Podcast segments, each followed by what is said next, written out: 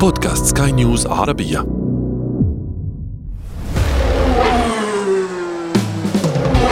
محركات برعاية موتو برو.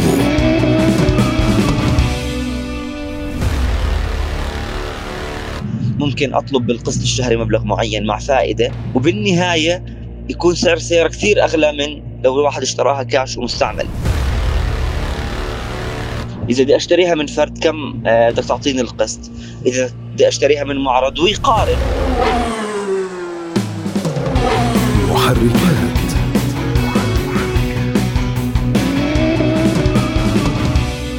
دارج في السوق شراء وبيع المركبات بالأقساط.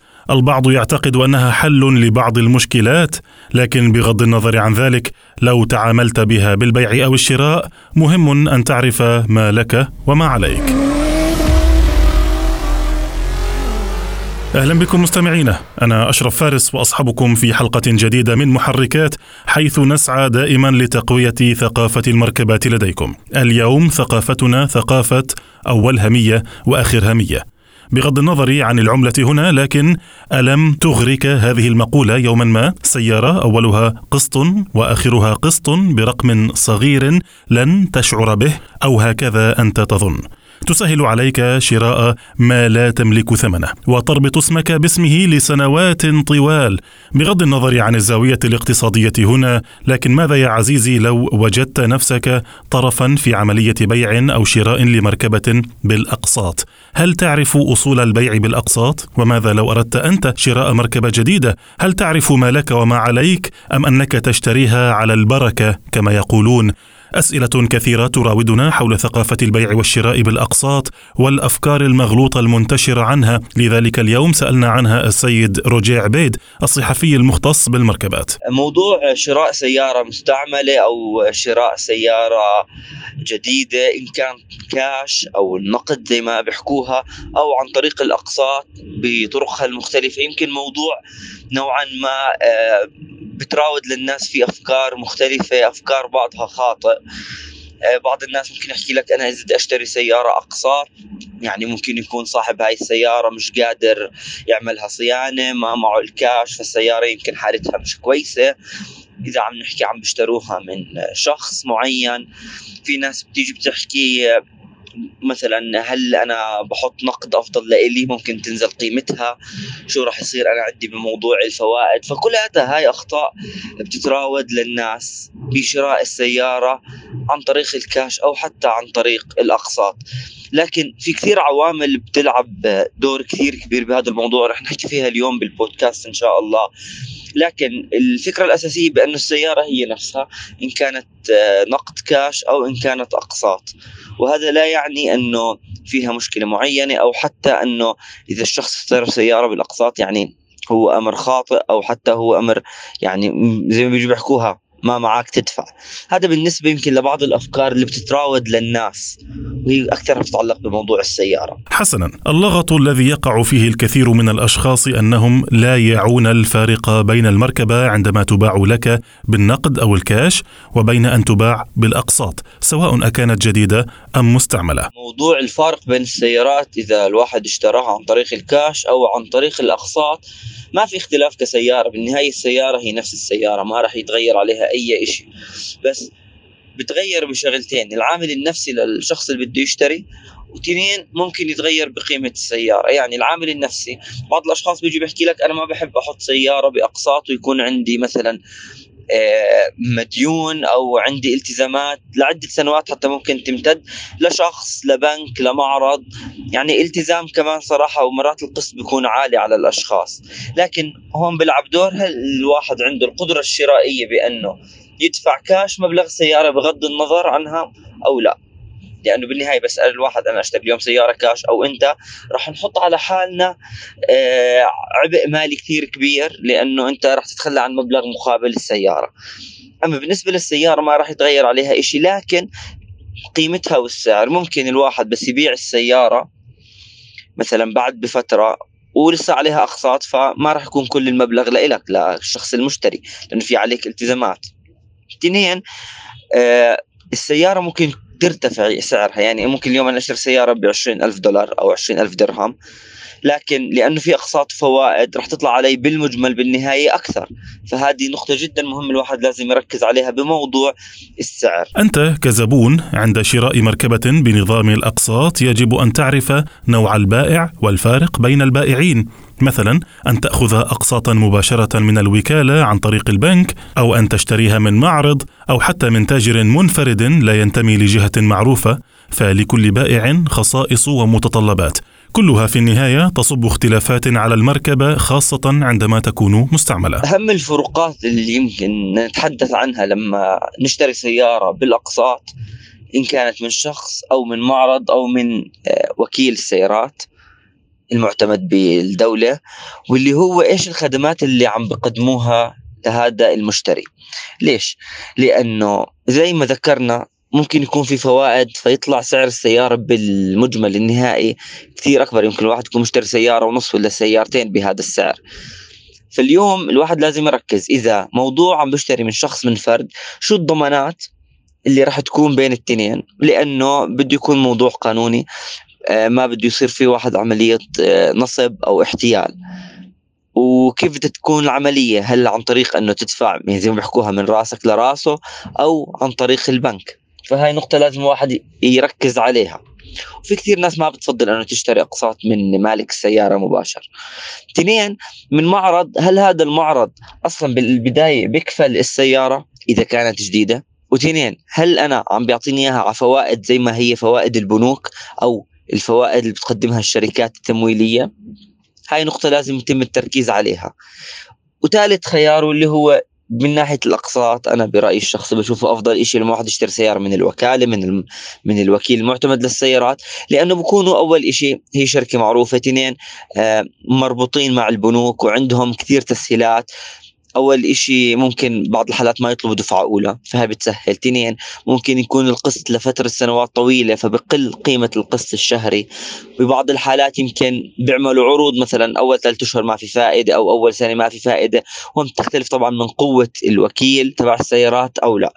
فبالعادة يعني يفضل آه، أريح لواحد لرأسه زي ما بنحكيها بالعامية تشتري سيارة بالأقساط مثلا من المعرض. أنا هيك بشوفها يعني من ناحية شخصية. حسنا ذلك لو كنت أنت المشتري. لكن ماذا لو كنت أنت البائع؟ ألم تعرض مركبتك للبيع يوما وواجهت طلبا لبيعها فقط بالأقساط؟ ورفضت لأنك تعيش على مبدأ يا إما كاش يا إما بلاش. لكن ماذا يا عزيزي لو كان السوق كله مفلس ويريد فقط الأقساط؟ هل تعرف كيف تحمي نفسك في هذه الحالة؟ هلا في شغلة مهمة آه لازم يكون في عليها تركيز واللي هو قيمة السيارة. هلا واحد بده يشتري سيارة جديدة. بالأقساط الأمور واضحة لأنه السيارة سعرها وهي جديد معروف.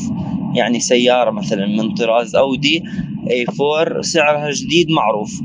بس بتنحسب قيمة القسط وحسب الفوائد كم بيطلع مجمل سعر السيارة بعد سداد القيمة كاملة. اختلفت الإضافات بيختلف سعرها لأنه السعر معلن ومعروف للجميع. فهو نوعا ما أعتقد الموضوع أنا أسهل. لس لو إنه الواحد بده يشتري سيارة مستعملة وبالأقساط لازم يركز على شيء كثير مهم واللي هو قيمة السيارة بالسوق. يعني يكون في لها تخمين صحيح لقيمتها.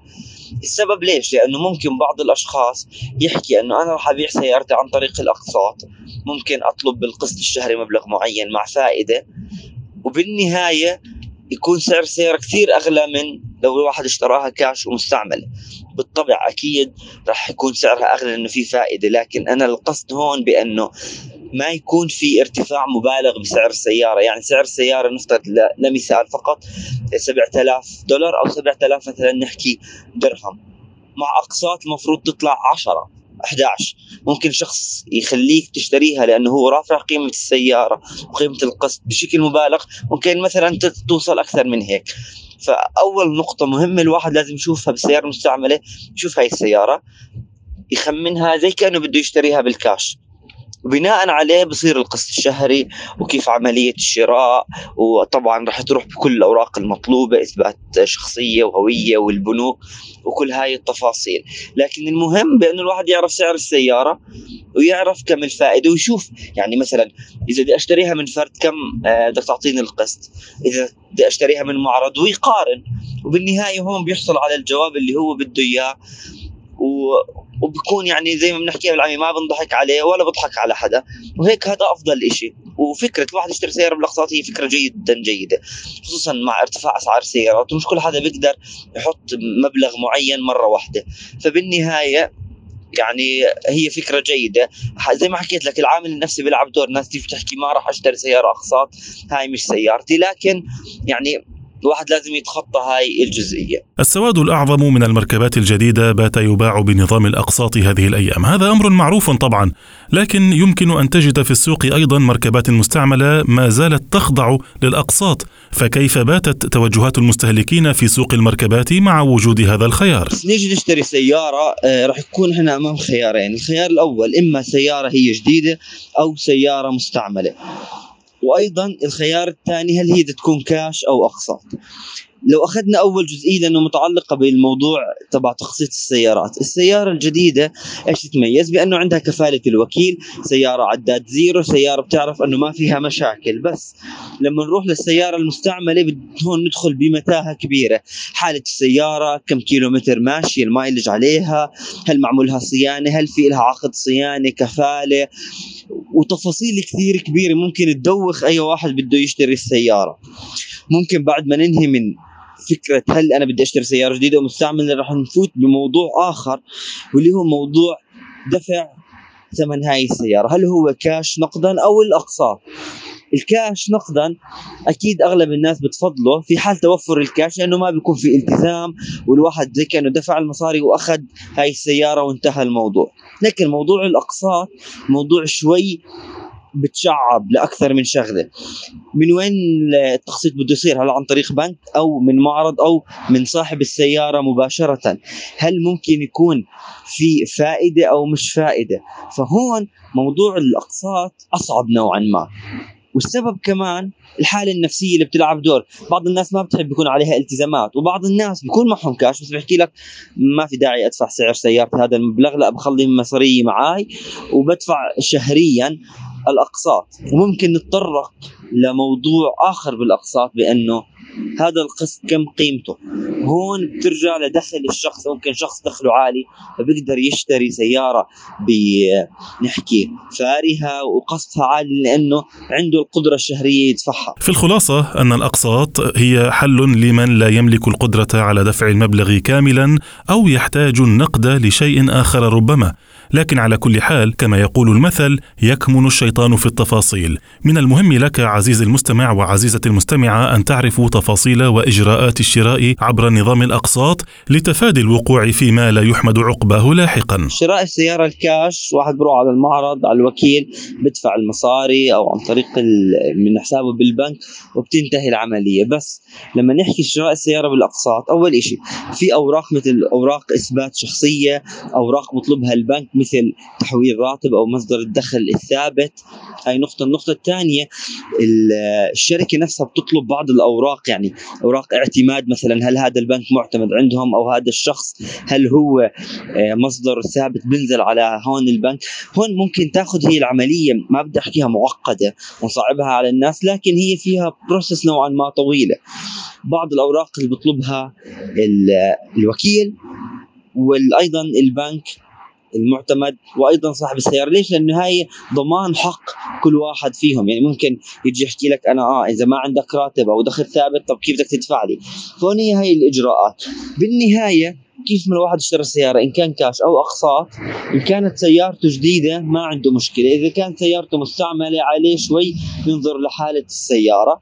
لكن بالنهاية ما حتغير من جودة أو أي شيء بالسيارة غير بقيمتها زي ما ذكرنا سابقا. ممكن أن الواحد يدفع أكثر لأنه عنده فائدة ممكن تكون تطلع سعر السيارة أغلى. وأنا كنصيحتي ممكن واحد إذا ما عنده القدرة المالية وحابب يركب سيارة يروح لمبدا الأقساط لأنه كثير كثير عم تكون تسهيلات. بعض الشركات تحكي مثلا من دون دفعة أولى اول ثلاث أشهر ما تدفع. ففي كثير أشياء عم بتوفرها اليوم الوكلاء السيارات لحتى الواحد يشتري السيارة أفضل من انه الواحد يأخذها أقساط من شخص أو حتى من بعض المعارض اللي مش معروف. محركات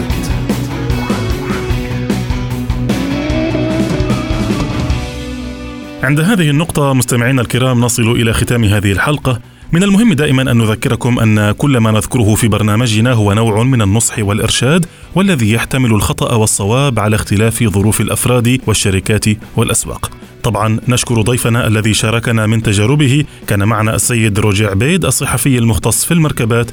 وصحبتكم في هذه الحلقة إعدادا وتقديما محدثكم أشرف فارس. وكان معي في الإخراج الفني إيدي طبيب. نلقاكم في حلقة أخرى من محركات حيث نسعى دائما لتقوية ثقافة المركبات لديكم. في أمان الله. محركات.